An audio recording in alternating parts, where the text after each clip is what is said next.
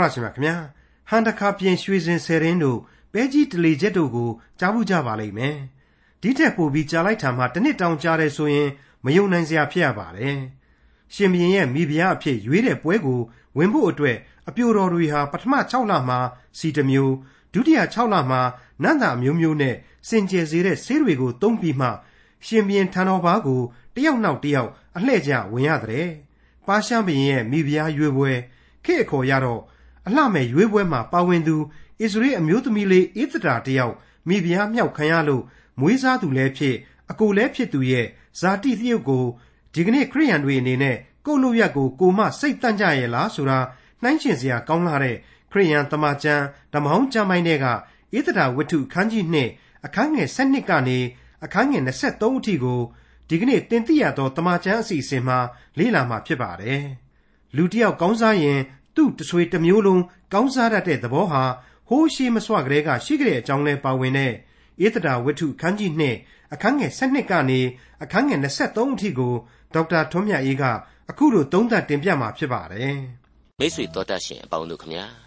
အခုအချိန်မှဆိုရင်ကျွန်တော်တို့ဟာအလွန်အလွန်လောကီဆန်တဲ့ဖြစ်ရမှန်ဇလန်းကလေးတစ်ခုရဲ့အကြောင်းကိုတစ်ဆက်ပေးနေတာဟာအတော်ကြီးကိုအရှိန်ကောင်းရရှိနေပြီဖြစ်ပါတယ်။အဲ့ဒါကတော့ပါရှားဆိုတဲ့ ပေရတိနိုင်ငံတော်ကကမ္ဘာသမိုင်းဝင်ဧကရစ်ဘုရင်ကြီးအာရွှေယူဆိုတဲ့ဘုရင်ကြီးနဲ့ပတ်သက်လို့အဲ့ဒီဘုရင်ကြီးဟာအေယာမစစ်ရေးပြင်ဆင်မှုကြီးတစ်ခုအတွက်6လတိုင်တိုင်မဟာပွဲလန်းသပင်ကြီးနဲ့ခင်းကျင်းပြီးတော့ဟန်ရေးပြခဲ့တာတွေနဲ့စတင်ခဲ့ပါတယ်။သူ့လက်အောက်ခံအဲ့ဒီရှေးခေတ်နိုင်ငံတွေဟာလေအာရှတိုက်အိန္ဒိယနိုင်ငံကစပြီးတော့အာဖရိကမြောက်ပိုင်းကအီသီယိုးပီးယားနိုင်ငံတိုင်အောင်နိုင်ငံပေါင်း128နိုင်ငံတောင်မှရှိခဲ့တဲ့အကြောင်းတွေ အဲ့ဒီအနေနဲ့အရရက်ကမင်းကြီးမင်းသားတွေမူကြီးမတ်ရနဲ့စစ်အာဏာပိုင်ဗိုလ်ကြီးတွေကိုပါဖိတ်ခေါ်တဲ့အဲ့ဒီရက်180သို့မဟုတ်6လပွဲတော်ကြီးရဲ့နောက်ဆုံးကြတော့ပိတ်ပွဲအဖြစ်နဲ့9ရက်9ညခွက်မှောက်ခွက်လှန်အရက်တွေသားအုပ်ပြီးတော့အပျော်ကျူးအရက်ကလေးမူးမူးနဲ့သူ့မိဖုရားကြီးဝါရှတိကိုဘလောက်လှတဲ့ပတဲ့အကြောင်းကြွားခြင်းလွန်းလို့ရှေ့တော်ကိုဝင်ရောက်ခစားဖို့အမိန်ပေး အဲ့ဒီလိုအမိန်ပေးကမှမိဖုရားကြီးကလည်းအမိန်ကိုဂလန်ကဆန်တွေလှုပ်တော့အရှက်တကွဲအကျိုးနေတွေဖြစ်ကုန်စသဖြင့်မတော်မတဲ့ဖြစ်ရဘုံတွေအကြောင်းကိုစိတ်စိတ်စုံစုံကျွန်တော်ဖော်ပြခဲ့ပြီးဖြစ်ပါတယ်အဲ့ဒီမူကြီးမတ်ရာတွေနဲ့တိုင်ပင်ပြီးတော့မိဖုရားကြီးကိုနမ်းချခဲ့တာတွေနိုင်ငံတော်ဥပဒေကြီးတရက်အဖြစ်မိမတွေကိုနလန်မထုအောင်နှိမ်ခဲ့တာတွေလည်းဖြစ်ကုန်ခဲ့ပြီဆိုတာကိုကျွန်တော်ဟာရှင်းလင်းဖော်ပြခဲ့ပြီးပါပြီအဲ့ဒီအာရွှေယူဆိုတာဟာ ကမ္ဘာသမိုင်းပါရှားဧကိ Sussex the Great ဖြစ်ရလိမ့်မယ်အဲ့ဒီ Sussex ဆိုတဲ့ဘုရင်ကြီးဟာ Great ကိုစစ်သွားတိုက်ပြီးတဲ့နောက်ကြီးတက်တိုက်ပွဲဒီမှာတော့အသက်ပေါင်းများစွာပေးဆက်ပြီးတော့အောင်မြင်ခဲ့ပါရဲ့ပင်လေပြင်းစစ်ကြောင်းကြီးမှာတော့အကြီးအကျယ်ရှုံးနိမ့်သွားခဲ့ရလို့ထင်တိုင်းမပေါက်ဖ ೇನೆ ကမ္ဘာအာနာဟာအရှိဘက်ပါရှားကနေပြီးတော့အနောက်ဘက် Greek စီကိုကုသန်သွားစပြုခဲ့ပြီးဖြစ်တယ်ဆိုတာကိုလေသမိုင်းမှတ်တမ်းများနဲ့ချိန်ကိုက်ပြီးတော့ကျွန်တော်ဖြည့်ဆွက်တင်ပြခဲ့ပါတယ် အဲ့ဒီလိုတက်ကြီးရဲ့နေစဲနေစွဲများနဲ့အပိုင်အနိုင်ပြောရလောက်အောင်လို့တော့ဣသရဝတ္ထုဟာခိုင်ခိုင်မာမာမရှိပါဘူးဒါပေမဲ့ဖျားသခင်ရဲ့လူဘဝကိုပြုစုစောင့်ရှောက်ခြင်းကျေးဇူးတော်ကိုတော့အလေးအနက်ဖော်ပြသွားလိုက်မှာဖြစ်တယ်လို့ကျွန်တော်ပဏာမပြုခဲ့တဲ့အတိုင်းပဲအဲ့ဒီနတ်နိုင်ငံတော်ကြီးကဘယင်ကြီးအာရွှေယူနဲ့ရှုရှံနန်းတော်ကြီးတဲ့ကိုမမျှော်လင့်ပဲဝင်ရောက်လာတာတော့ဣသရာဆိုတဲ့ဂျူးမိန်းမချောကလေးတယောက်ပဲဖြစ်ခဲ့ပါတ ယ်ဘယင်ကြီးဘယင်ကြီးကျွန်တော်တို့ကမိန်းမချောမိန်းမလှကလေးတွေကိုတတိုင်းပြည်လုံးစုပြီးတော့အလှမဲ့ရွေးပွဲကြီးကျင်းပပေးမယ်ဘယင်ကြီးကအဲ့ဒီထက်အလှပဆုံးနဲ့စိတ်ကြိုက်အတွေ့ဆုံးကိုမိဖုရားကြီးအရာမှာခံထားပေးပါဆိုပြီးတော့တပည့်တွေကစီစဉ်တော့ဘယင်ကြီးကလည်းသဘောတွေနင့်ကန်ကြပြီးတော့အခုအချိန်မှဆိုရင်အလှမဲ့ရွေးပွဲမိဖုရားကြီးခံပွဲအတွေ့အာရွှေယူတယောက်စီစဉ်နေပြီသူကိုယ်တိုင်အဲ့ဒီအလှမဲ့ကိုရွေးပေးလိမ့်မယ်အဲ့ဒီအလှမဲ့လောင်းကလေးတွေတဲမှာတော့ကျွန်တော်တို့ဖော်ပြခဲ့တဲ့ဂျူး ဣသရေလမိန်းကလေးဖြစ်သူအေသရာဟာသူ့ရဲ့အကိုဝန်းခွဲတော်တယ်လို့မွေးစားဖခင်လည်းဖြစ်တဲ့မော်ဒကဲရဲ့စီစဉ်မှုနဲ့ပါဝင်လာတယ်ဆိုတာကိုတွေ့ရတော့ကျွန်တော်မိษွေတို့အတွက်အသေးတလှလှနဲ့ဒီကနေ့တော့ဘာတွေများဆက်ပြီးဖြစ်အောင်မယ်ဆိုတာကိုစိတ်ဝင်စားစွာနားဆင်ကြကြလိမ့်မယ်လို့ကျွန်တော်တွေးမိပါတယ်ဖျားသခင်ကိုလုံးဝမသိမကိုးကွယ်မယုံကြည်တဲ့နတ်အာနာရှင်နိုင်ငံမှာဖျားသခင်ကျေးဇူးတော်ကိုရွေးကောက်တော်မူသောဣသရေလလူမျိုးတော်မှတဆင့် ဘယ်နည်းဘယ်ပုံမြင်ရလိမ့်မယ်ဖျားသခင်ရဲ့ပြုစုစောင့်ရှောက်တော်မူခြင်းဆိုတာကိုကျွန်တော်ဖော်ပြခဲ့တဲ့နေရာမှာဘယ်လိုသဘောကြောင့်ဖော်ပြခဲ့ခြင်းဖြစ်တယ်အပြစ်သားလူဘဝဟာဘယ်နည်းဘယ်ပုံဘုရားသခင်ရဲ့ကျေးဇူးတော်ကိုခံစားကြရစမြဲဖြစ်တယ်ဆိုတာကိုအခုဆက်ပြီးကြားနာသွားကြရပါလိမ့်မယ်ဟုတ်ပါတယ်ကျွန်တော်ဟာဧဒရာဝတ္ထုရဲ့ဏိဒန်းကိုပြိုးစဉ်ကလေးကမိတ်ဆက်စကားအဖြစ်ယုဒဝတ္ထုဆိုတာဟာဘုရားသခင်ရဲ့ကယ်တင်ခြင်းကျေးဇူးမေတ္တာတော်ရဲ့ဝတ္ထုဖြစ်တယ် အချစ်ဘွဲ့ဖြစ်တယ်အခုဧဒရာဝတ္ထုဆိုတာကတော့ဖျားသခင်ရဲ့အံ့ဩဖွယ်ပြုစုစောင့်ရှောက်တော်မူခြင်းကျေးဇူးတော်ရဲ့ဝတ္ထုဖြစ်တယ်ဆိုတဲ့အလေးအနက်ပြုဖော်ပြခဲ့တဲ့အချက်တွေကိုမိษွေတို့မေ့မပြစ်ကြပါနဲ့အခုဧဒရာဝတ္ထုအခန်းကြီး2အငယ်7နဲ့ဆက်လက်ပြီးတော့နားဆင်ကြည့်ကြပါထိုအပြိုတော်တို့ထုံးစံအတိုင်းတစ်နှစ်စေသောအခါတယောက်နောက်တယောက်အလှဲ့သင့်သည့်အတိုင်းရှင်ဘရင်အာရွှေယုထံသို့ဝင်ရကြ၏6လပတ်လုံးမူရန်စီ 6လပတ်လုံးနန္တာမျိုးအစရှိသောစင်ကြယ်စေသောဆေးမျိုးကိုသုံး၍စင်ကြယ်သောအမှုပြီးသည့်တိုင်အောင်ထိုမျှကာလကိုလွန်စေရ၏အပြိုတော်တွေကိုစုဝေးစေပြီးတော့မိမစိုးကြီးဖြစ်တဲ့ဟေဂဲစီကိုစတင်ပြီးပို့ကြရတယ်အဲ့ဒီဟေဂဲဟာအဲ့ဒီအပြိုတော်တွေကိုနန်းတော်မှာကြိုတင်ပြီးတော့အလှပြင်ဆင်ပြုပြင်ပေးတယ်ဆိုတာကိုတွေ့ရတယ်အဲ့ဒီအလှပြင်တဲ့အချိန်ကာလကလည်းနင်းနေနိုးနိုးပဲတစ်နှစ်ကြာတယ်လို့ဆိုတယ် ဒါဟာဂျားကာလနှစ်တွေဟာတက္ကန္တနဲ့တက္ကန္တစီဘလောက်များကွာခြားတယ်ဆိုတာကိုကျွန်တော်တို့သိနာလေစေဖို့အတွက်ရိတ်ဖန်းတန်မှန်သိနိုင်ဖို့အချက်ပါပဲကျွန်တော်ကဒါကြောင့်မို့လို့လေအာရွှေယုဘရင်ကြီးရဲ့စစ်ရေးဆောင်ရွက်မှုကြီးအဖြစ် Greek တွေကိုတောင်မှစစ်ထွက်တိုက်ခဲ့တဲ့အချိန်ကာလတွေတောင်ဒီဂျားကန်နဲ့ကာလတည်းမှာပါဝင်ခဲ့ပြီးပြီလို့ကျွန်တော်ခံမှန်းချက်ကိုထည့်သွင်းဖော်ပြခဲ့ခြင်းဖြစ်ပါတယ် နှုတ်ကပတ်တော်ကအသေးစိတ်ဖော်မပြထားတဲ့အချက်တွေဟာအများအပြားရှိခဲ့မှအမှန်ပဲဆိုတာကျွန်တော်တို့သင်တရားရှိစရာမလိုပါဘူးကျွန်တော်အကြိမ်ကြိမ်ပြောဘူးခဲ့တဲ့အတိုင်းပါပဲနှုတ်ကပတ်တော်ဟာမလိုလို့သူမထက်သွင်းကျင်လို့မဖော်ပြတဲ့အချက်တွေအများကြီးရှိတယ်ကျွန်တော်တို့ဒါတွေနဲ့ပတ်သက်လို့သိပြီးတော့လဲစိတ်အိုက်စရာမလိုဘူးဒါပေမဲ့ကိုညံကိုအသုံးပြုပြီးတော့တတ်မှန်တတ်နိုင်သည်၍ကျွန်တော်တို့ယုတ်တိဗေဒရှုထောင့်ကနေပြီးတော့ထည့်သွင်းဖြစ်ဆွဲစဉ်းစားမယ်ဆိုရင်လည်းဖြစ်နိုင်တယ်ဆိုတဲ့အချက်ကိုကျွန်တော်ဖော်ပြခဲ့ပါတယ် နောက်တစ်ခုအလေးနဲ့ထားရမှာကတော့နှုတ်ကပတ်တော်မှာအတိတ်ပဲမရှိဘူးဆိုတာတစ်ခုမှမရှိဘူးကျွန်တော်တို့ကနားမလည်နိုင်တာသာရှိရင်ရှိမယ်ဆိုတဲ့အချက်ပါဒီအပိုင်းအခြားမှာကျွန်တော်တို့တွေ့ရတာကတော့လူဆိုတဲ့တတ္တဝါဟာကိုယ့်ရဲ့ဇာတိပဂတိဖြစ်တဲ့ယုတ်တရအဆောက်အုံလှပရေးကိုတော့သမိုင်းနဲ့ချီပြီးတော့အလေးနဲ့ထားခဲ့ကြတာဟာအမှန်ပဲဆိုတဲ့အချက်ပါအတိတ်ကာလကမိမချောမိမလှကလေးတွေဟာလှကျင်ပကျင်သလိုဒီကနေ့မိန်းကလေးတွေဟာလည်းဒီအတိုင်းပဲဆိုတာကိုကျွန်တော်တွေးမိပါတယ် စနစ်တီနီးနေတရားတွေကတော့ပြောင်းကျင်ပြောင်းကုန်မှာပေါ့လှကျင်ပကျင်တဲ့လူသဘာဝကတော့ဒီအတိုင်းပဲဖြစ်နေတယ်ဆိုတာကိုလေ့လာတွေ့မြင်နိုင်ပါတယ်အဲ့ဒီထဲမှာမှကျွန်တော်တို့ရဲ့အဓိကဇက်ကောင်ဖြစ်တဲ့အေးသရာကတော့နာမည်ကိုကဟတ္တသာသို့မဟုတ်ကျဲပွင့်ကလေးဆိုတာနဲ့အညီပင်ကိုအလှကတော့ရှိပြီးသားဖြစ်တယ်အဲ့ဒီအလှမယ်ပြိုင်ပွဲပါဝင်သူတွေထဲမှာတော့သူဟာအလှအပဆုံးဖြစ်လိမ့်မယ်ဆိုတာကျွန်တော်တွေးမိပါတယ်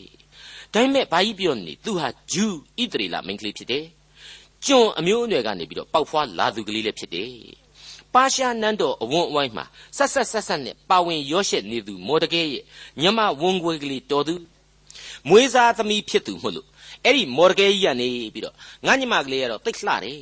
မင်းမိဖုရားနေရာကိုရနိုင်တယ်ဝင်ပြိုင်ပါလားကွယ်ဆိုတာနဲ့အဲ့ဒီထဲမှာပါဝင်လာခဲ့ရတယ် အမှန်တော့ဂျူးထုံးစံအရာဆိုရင်အခုလိုတပားအမျိုးသားရှင်ဘရင်နဲ့ဘာမှဆက်ဖို့ဆက်ဖို့မသင့်သလိုမိဖုရားပြိုင်ပွဲဆိုတာကိုလည်းသူဟာမဝင်သင့်ဘူးဒါပေမဲ့မော်ဒကဲကတော့စွန့်စွန့်ဆဆကြီးပဲဒီပြိုင်ပွဲကိုအတင်းဝင်ခိုင်းတယ်ယူဣသရေလဇာတိကိုဖုံးကွယ်ထားပြီးတော့သူ့ကိုယ်သူပါရှားအမျိုးသမီးကလေးရောင်ရောင်ဘာရောင်ရောင်လှုပ်ခိုင်းတဲ့အတိုင်းသူကလည်းသူ့ကိုယ်သူဂျူးဆိုတဲ့အမှန်တရားကိုဖုံးကွယ်ဟန်ဆောင်ထားခဲ့တယ်ဆိုတာကိုလည်းကျွန်တော်တို့တွေ့ထားရတော့စိတ်ချမ်းသာစရာအကြောင်းတစ်ခုမှမရှိဘူးလို့ကျွန်တော်ဆိုချင်ပါတယ် မော်ဒကဲဆိုတဲ့လူဟာလေတကယ်လူလေလူရှုပ်မအူမလဲလှုပ်တဲ့ကျွန်းစော်နန်းနေသူဖျားသခင်ပေးခဲ့တဲ့ဘိုးဘေးတို့ခါနန်ပြည်ကိုမိလျော့ကြောခိုင်းပြီးတော့ကိုစားသာရင်ပြီးရောကိုစီးပွားရေးအခြေအနေကောင်းရင်ပြီးရောဆိုပြီးတော့အဲ့ဒီပါရှားခေါ်တဲ့ပေရတိနိုင်ငံကြီးမှာပဲနေပေရတိမှာပဲအခြေချပြီးတော့အင်မတန်ပေါ်ပင်ဆန်တဲ့ဒီ fashion မဲရွေးပွဲကြီးကိုမှကိုညမလေးကိုထိုးထည့်ခဲ့တာပဲဆိုတာကိုကျွန်တော်တို့လေ့လာနိုင်ကြမှာဖြစ်ပါတယ်မိတ်ဆွေအပေါင်းတို့ခင်ဗျာ အခုအချိန်ထိအဲ့ဒီလိုအားမလို့အားမရဖြစ်เสียအကြောင်းတွေနဲ့ကြီးဝိုင်းဝိုင်းလည်နေတဲ့ဖြစ်ရတွေထဲမှာကျွန်တော်တို့ဟာကိုယ့်အပေါ်ယံအတွေးနဲ့သာအဲ့ဒီလိုအမြင်မရှင်းအမြင်မကြည့်မလင်နေဖြစ်နေကြရတယ်အေးသရာတယောက်ကတော့အဲ့ဒီအလှမဲ့ရွေးပွဲဝင်ဖို့နန်းတော်ကိုပို့လိုက်ကြတဲ့ကအံ့ဩဖို့ကောင်းလောက်အောင်ဂယုစိုက်ခံခဲ့ရပြီဆိုတာကိုကျွန်တော်တို့တွေ့ရတယ်ဒါဟာနာမည်ကလေးဟတ္တသနဲ့လိုက်အောင်လှလို့ကြီးမဟုတ်ဘူး မိန်းမစိုးကြီးဟေဂဲရဲ့စိတ်နဲ့တွေ့တယ်မျက်နှာရတယ်တဲ့ဒါနဲ့ပဲအလွန်ကောင်းမွန်တဲ့အဝတ်အစားအသစ်တွေနဲ့ချက်ချင်းဆင်မြန်းပေးခြင်းခံခဲ့ရတယ်သူ့အတွက်လည်းရန်ရွေတော်ခုနှစ်ယောက်ကိုလည်းချက်ချင်းပေးအပ်ထားတယ်ဆိုတာကိုကျွန်တော်တန်တော်တွေးခဲ့ရပြီဖြစ်တယ်တနည်းအားဖြင့်တော့အံ့ဘွယ်သောအမှုတို့ဟာအဲ့ဒီလိုအခြေအနေကြားထဲမှာပဲသူများနဲ့မတူဘူးထူးထူးခြားခြားပေါ်လွင်ထင်ရှားလို့နေခဲ့ပြီဆိုတာကိုကျွန်တော်တို့သတိပြုမိဖို့ဒီနေရာမှာကျွန်တော်သတိပေးခြင်းပါတယ် ဒီလိုပြိုင်ပွဲဝင်မှုစည်ရင်သွင်းပြီးတော့နန်းတော်တွေကိုရောက်လာတဲ့အပြိုကညာလေးတွေဟာယာနဲ့ချီပြီးတော့ရှိမှအသေးချာပေါ့သူ့လက်အောက်ခံနေပယ်တွေကဒီအာရွှေကြီးရဲ့လက်အောက်မှာ128ပြည်တောင်ရှိတယ်လို့ဆိုထားတယ်မဟုတ်ဘူးလားအဲ့တော့အဲ့ဒီ128ပြည်တောင်ကကိုစားပြုထားတဲ့မိန်းကလေးတွေဟာယာကျော်အမှဧကန်မလွဲပဲပေါ့သူတို့ရဲ့တနှစ်တာကာလနန်းတော်ထဲမှာရှိနေတဲ့အချိန်မှာသူများတဲ့ထူပြီးတော့ပြာရာခတ်နေရတာကတော့မော်ရကဲပဲဖြစ်တယ်ဘသူဘသူနဲ့မှမတူအောင် ပြာဤပြာရာဖြစ်နေတာကတော့မော်ရကဲတယောက်ရဲ့ပုံစံပဲဧဒရာသည်အဘယ်သို့ရှိသည်ကို၎င်းသူ၌အဘယ်သို့ပြုကြလိမ့်မည်ကို၎င်းမော်တကဲသည်သိခြင်းဟာနန်းတော်ဝင်ရှိမှနေတိုင်းသွာလာ၏ဆိုပြီးတော့ကျွန်တော်ပြီးခဲ့တဲ့ကြံအငယ်ပိုင်းတစ်ခုမှာဖတ်ခဲ့မြင်ခဲ့ရပြီမဟုတ်ဘူးလားကြည့်တော့အဲ့မော်တကဲဆိုတာဟာငါတူမဧဒရာတော့ငါသမီးဧဒရာတော့ဘယ်လိုများရှိနေပါလဲသူ့ကိုနန်းတော်ထဲမှာဘယ်လိုများထားကြပါလဲစသဖြင့်စိတ်ပူတယ် တနည်းအားဖြင့်တော့ကိုမိဘမဲ့နှမကလေးသို့မဟုတ်မွေးစားသမီးကလေးအတွက်သူ့ရင်ထဲမှာမကောက်မှုပေါ့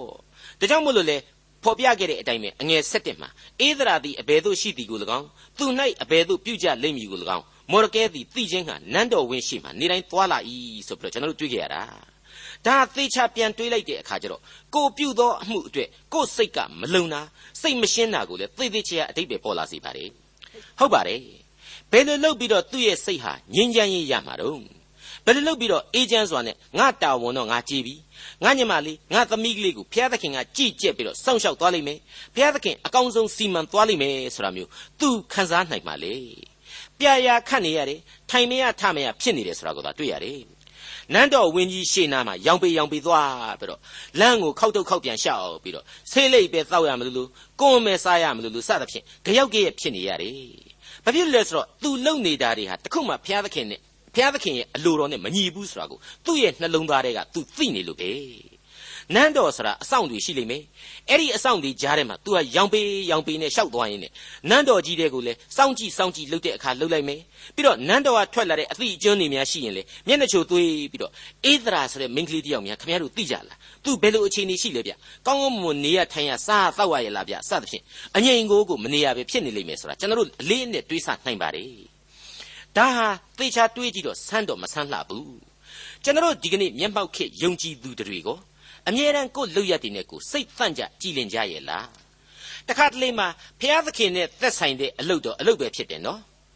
အဲ့ဒါကိုတောင်မှဂမူးရှုလို့နဲ့ကိုကိုကိုဟုတ်လာပြီဆိုပြီးတော့ဟောဟောတိုင်းတိုင်းကြီးပြောခဲ့မိတာတွေတစွတ်ထိုးလှုပ်ခဲ့မိတာတွေကိုတဖြည်းဖြည်းချင်းပြန်စဉ်းစားပြီးတော့ပွေးလန့်တာတွေစိတ်မသန့်တာတွေဟာဖြစ်လာတတ်ကြတယ်မဟုတ်ဘူးလား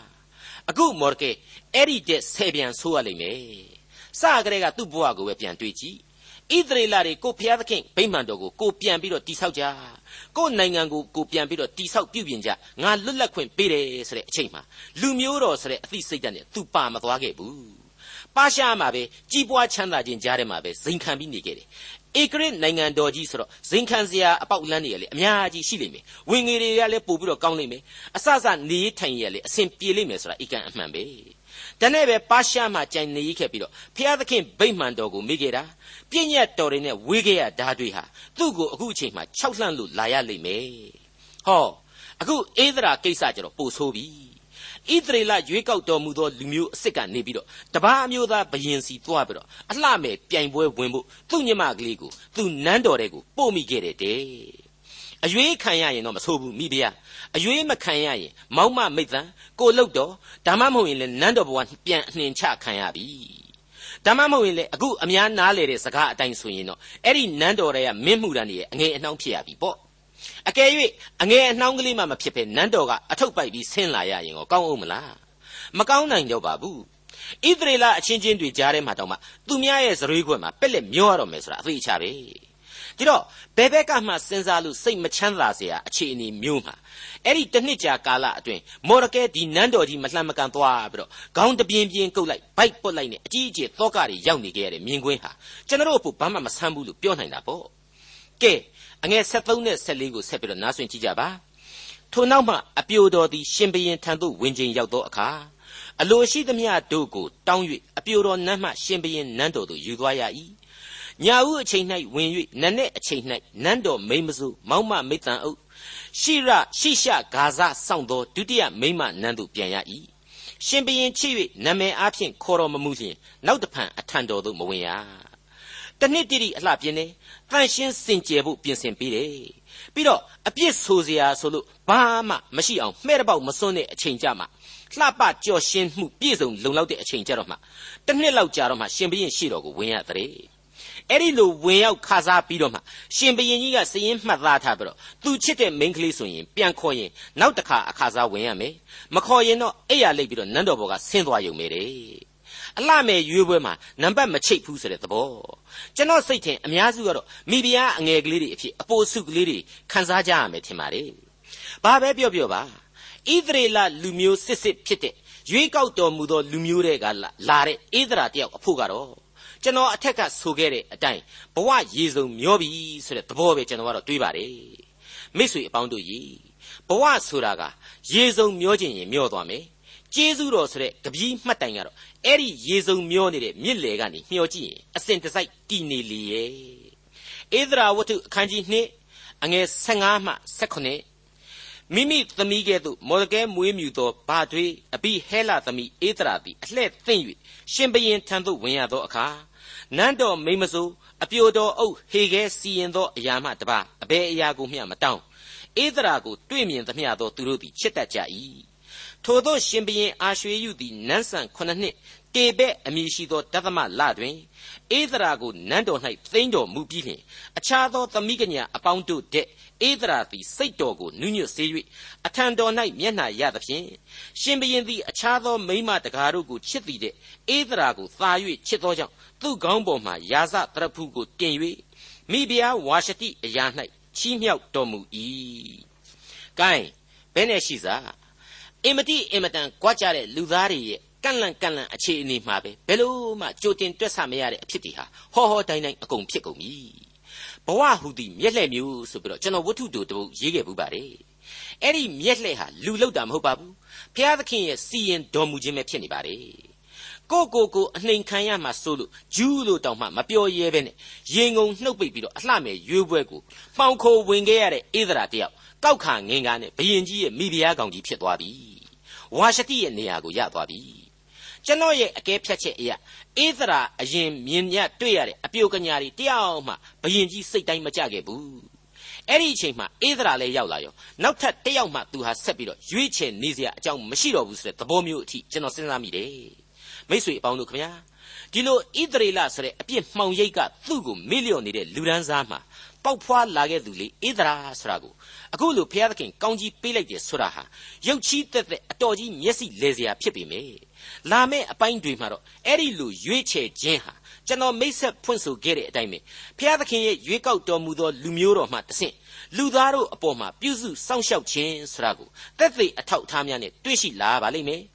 ဒီလိုဘုရားသခင်ရဲ့ပြုစုစောင့်ရှောက်တော်မူခြင်းများကိုဖော်ပြနိုင်ဖို့ဘုရားသခင်ဟာပထမဦးဆုံးဘယ်ဖြစ်စဉ်တွေပေါ်မှာအခြေတည်ခဲ့သလဲသူ့ကိုချစ်ကြောက်ယူသေးတဲ့လူတွေသူ့ကိုယုံကြည်ကိုးကွယ်တဲ့လူတွေအပေါ်မှာအခြေတည်ခဲ့ပါသလားလုံးဝအသုံးမပြုခဲ့ပါဘူးအဲ့ဒီလူဒန်းစားအပေါ်မှာအခြေမတည်ခဲ့ပါဘူးဇက်အိမ်ကိုလည်းအဲ့ဒီလူဒန်းစားအပေါ်မှာအခြေခံမဖော်ကျူးခဲ့ပါဘူးအလွန်ဦးကြောင်ကြောင်နိုင်လှတဲ့ဘရင် အလွန်အတွေးအခေါ်မှောင်မှားနေတဲ့ဣသရေလလူမျိုးတော်မိသားစုတစုအပေါ်မှာသာအခြေတည်ရခဲ့ပါတယ်အဲ့ဒီလိုနှစ်ဦးနှစ်ဖက်တစ်ဖက်မှလှလှပပခန့်ခန့်ထဲထဲမရှိတဲ့လွန်ပွဲကြီးအတွင်းမှာမှဧဒရာကိုမိဖုရားကြီးအဆင့်အထိရောက်စေဖို့အလွန်တရာအကြီးတန်းတဲ့ဖြစ်ရတွေဂုံတိတ်ခါမရှိတဲ့ပြဿနာငယ်တွေဟာမှုလိုပေါက်လာခဲ့ရပါတယ်အဲ့ဒီကြားတွေကမှဘုရားသခင်ဟာဧဒရာကိုရွေးချယ်ပြီးတော့စင်တော်ကောက်စီလိုက်ပါတယ် ဒီနေရာမှာယူသဝတ္ထုနဲ့ဧဒရာဝတ္ထုတို့မတူညီပုံဟာမစင်စားပဲမနေနိုင်ပါဘူးယူသဆိုတဲ့တပားအမျိုးသားမောဘပြည်သူကလေးတူဟာဘောဇဆိုတဲ့ဣတရီလတထေးကြီးတယောက်နဲ့မေတ္တာမျှခဲ့ပါတယ်အဲ့ဒီဇလံအဖြစ်အင်မတန်ဆွပြန့်ပွဲကောင်းသောလူသားတို့ရဲ့အချစ်ပွဲတစ်ခုဟာကျွန်တော်အဖို့ကြားနာခဲ့ကြရပါပါတယ် ဖျားသခင်ရဲ့ကယ်တင်ရှင်ကျေးဇူးတော်ဆရာဟာခရစ်တော်အားဖြင့်လူမျိုးမရွေခံစားရရှိစေနိုင်တယ်ဆိုတဲ့အနှစ်သာရတွေကိုကျွန်တော်အဖို့ထုတ်ယူရရှိလာစေခဲ့ပါတယ်အခုဧဒရာဝတ္ထုကြတော့အဲ့ဒီလိုနှစ်သိမ့်ကြည်နူးပွဲအချစ်ပွဲမဟုတ်သလိုကယ်တင်ရှင်ကျေးဇူးတော်ရဲ့အနှစ်သာရမပါဝင်ပါဘူးသူ့ရဲ့ပြည့်ညတ်တော်တွေအပေါ်မှာသီးသီးထန်ထန်ယုံကြည်ခြင်းကနေပြီးတော့ကမ္ဘာလူအဖွဲ့အစည်းမှာကံတကောစဖြစ်နေတဲ့ရွေးကောက်တော်မူသောဣသရေလလူမျိုးတော်ဟာအပြစ်တွေအမျိုးမျိုးကိုကျူးလွန်ခဲ့တယ် သူ့ကိုမေ့လျော့ကြောခိုင်းပြီးတော့ထင်ရာကိုစိုင်းခဲ့တယ်အဲ့ဒီလိုပဲလူဆိုတဲ့တတ္တဝါဟာဖန်ဆင်းရှင်ဘုရားသခင်ကိုကြောခိုင်းပြီးတော့စာရမဏတ်ဆွဲဆောင်ရာအရတ်မှသာစက်ကြပျော်မွေ့တတ်ကြတယ်ဒါပေမဲ့ဘုရားသခင်ဟာအဲ့ဒီလူသားတို့ကိုအနီးနီးအဖုံဖုံအစဉ်တစိုက်ပြုစုစောင့်ရှောက်တော်မူသောဘုရားသခင်ဖြစ်တော်မူတယ်ဆိုတာကိုဖော်ပြသွားမှာဖြစ်ပါတယ်အဲ့ဒီလိုမေတ္တာတယုတ်ကိုဖော်ထုတ်ရမှာကတော့ကျွန်တော်ဖော်ပြခဲ့တယ်လို့ပေါ့တယုတ်ပြက်လူသားတို့ဤဇယိုက်တွေပေါ်မှာသာအခြေခံထားတဲ့အတွက်ကြောင့် ရယူနိုင်တဲ့ဝိညာဉ်ခွန်အားဟာအလွန်တရာမှဆန်းသစ်နေပါတယ်တမျိုးတပါသာလှုပ်ရှားသက်ဝင်လို့နေပါတယ်ဆိုတာကိုကျွန်တော်အနေနဲ့ဒီနေရာမှာကြိုတင်အစီရင်ခံနေပါတယ်မိတ်ဆွေတို့ခင်ဗျာအာရွှေယုဘယင်ကြီးဟာဧဒရာကိုချစ်တယ်ဆိုတာကိုကြံစကားအရာဖော်ပြပါတယ်ဒီအချစ်ဟာလေဘောဇာကနေပြီးတော့ယူသားဆိုတဲ့မောဘလွင်ပြင်သူမုတ်ဆိုးမကလေးကိုချစ်တဲ့အချစ်နဲ့မတူညီနိုင်ပါဘူးရှင်းသန့်ကြည်လင်ခြင်းမရှိသလိုပဲလို့ကျွန်တော်ယင်ထဲမှာခန်းစားရပါတယ် ကျွန်တော်ယင်မှာအာရွှေယုရဲ့အချစ်ဟာသွေးလေခြောက်ချပြီးတော့ဒေါသအမျက်တွေအရက်နဲ့ရမက်တွေစသဖြင့်ပူလောင်ခြင်းပွက်ပွက်ဆူနေတဲ့လူအိုကြီးတယောက်ရဲ့အချစ်သာဖြစ်တယ်ဧဒရာဆိုတဲ့မနုမနတ်ဣသရေလအမျိုးသမီးကလေးဟာလေမျက်စိတငယ်လေးနဲ့ပဲဒီဘယင်ကြီးရဲ့ရင်ခွင်အောက်ကိုရောက်ခဲ့ရမှာအမှန်ပဲဖြစ်တယ်လို့ကျွန်တော်တွေးတယ် အဲ့ဒီလိုယူသဝတ္ထုဧဒရာဝတ္ထုဝတ္ထုကြီးနှစ်ခုရဲ့မတူညီတဲ့ကွာခြားခြင်းနဲ့မတူညီတဲ့အချစ်ပွဲနှစ်ခုဟာလေအဲ့ဒီနီးအားဖြင့်ဘင်းလျင်မတူညီတဲ့အတိတ်ပဲတွေကိုကျွန်တော်တို့အတွက်ဆောင်ယူလာပါတယ်ဒါဟာနှုတ်ကပတ်တော်အဖြစ်ကျွန်တော်ခွဲဝေရရှိနိုင်တဲ့ဝိညာဉ်ရေးသင်ခန်းစာများတို့ဟာပုံသဏ္ဍာန်အမျိုးမျိုးဖြစ်တတ်တယ်။အနှစ်သာရတွေဟာကွာခြားခြင်းရှိနိုင်တယ်ဆိုတဲ့အချက်ကိုသိနာလေလို့လာစေပါတယ်။ဘာပဲဖြစ်ဖြစ်မော်ရကဲဆိုတဲ့ဣသရေလအကျွင်းအကျ န်းဖျားသခင်အမွေမြေကိုမပြန်မဲနဲ့ပါရှားမှကြံရည်နေခဲ့တဲ့ဘာသမိုင်းကောင်းမှမရှိခဲ့တဲ့လူကြီးတယောက်ရဲ့အရေးအာဝါသမှာ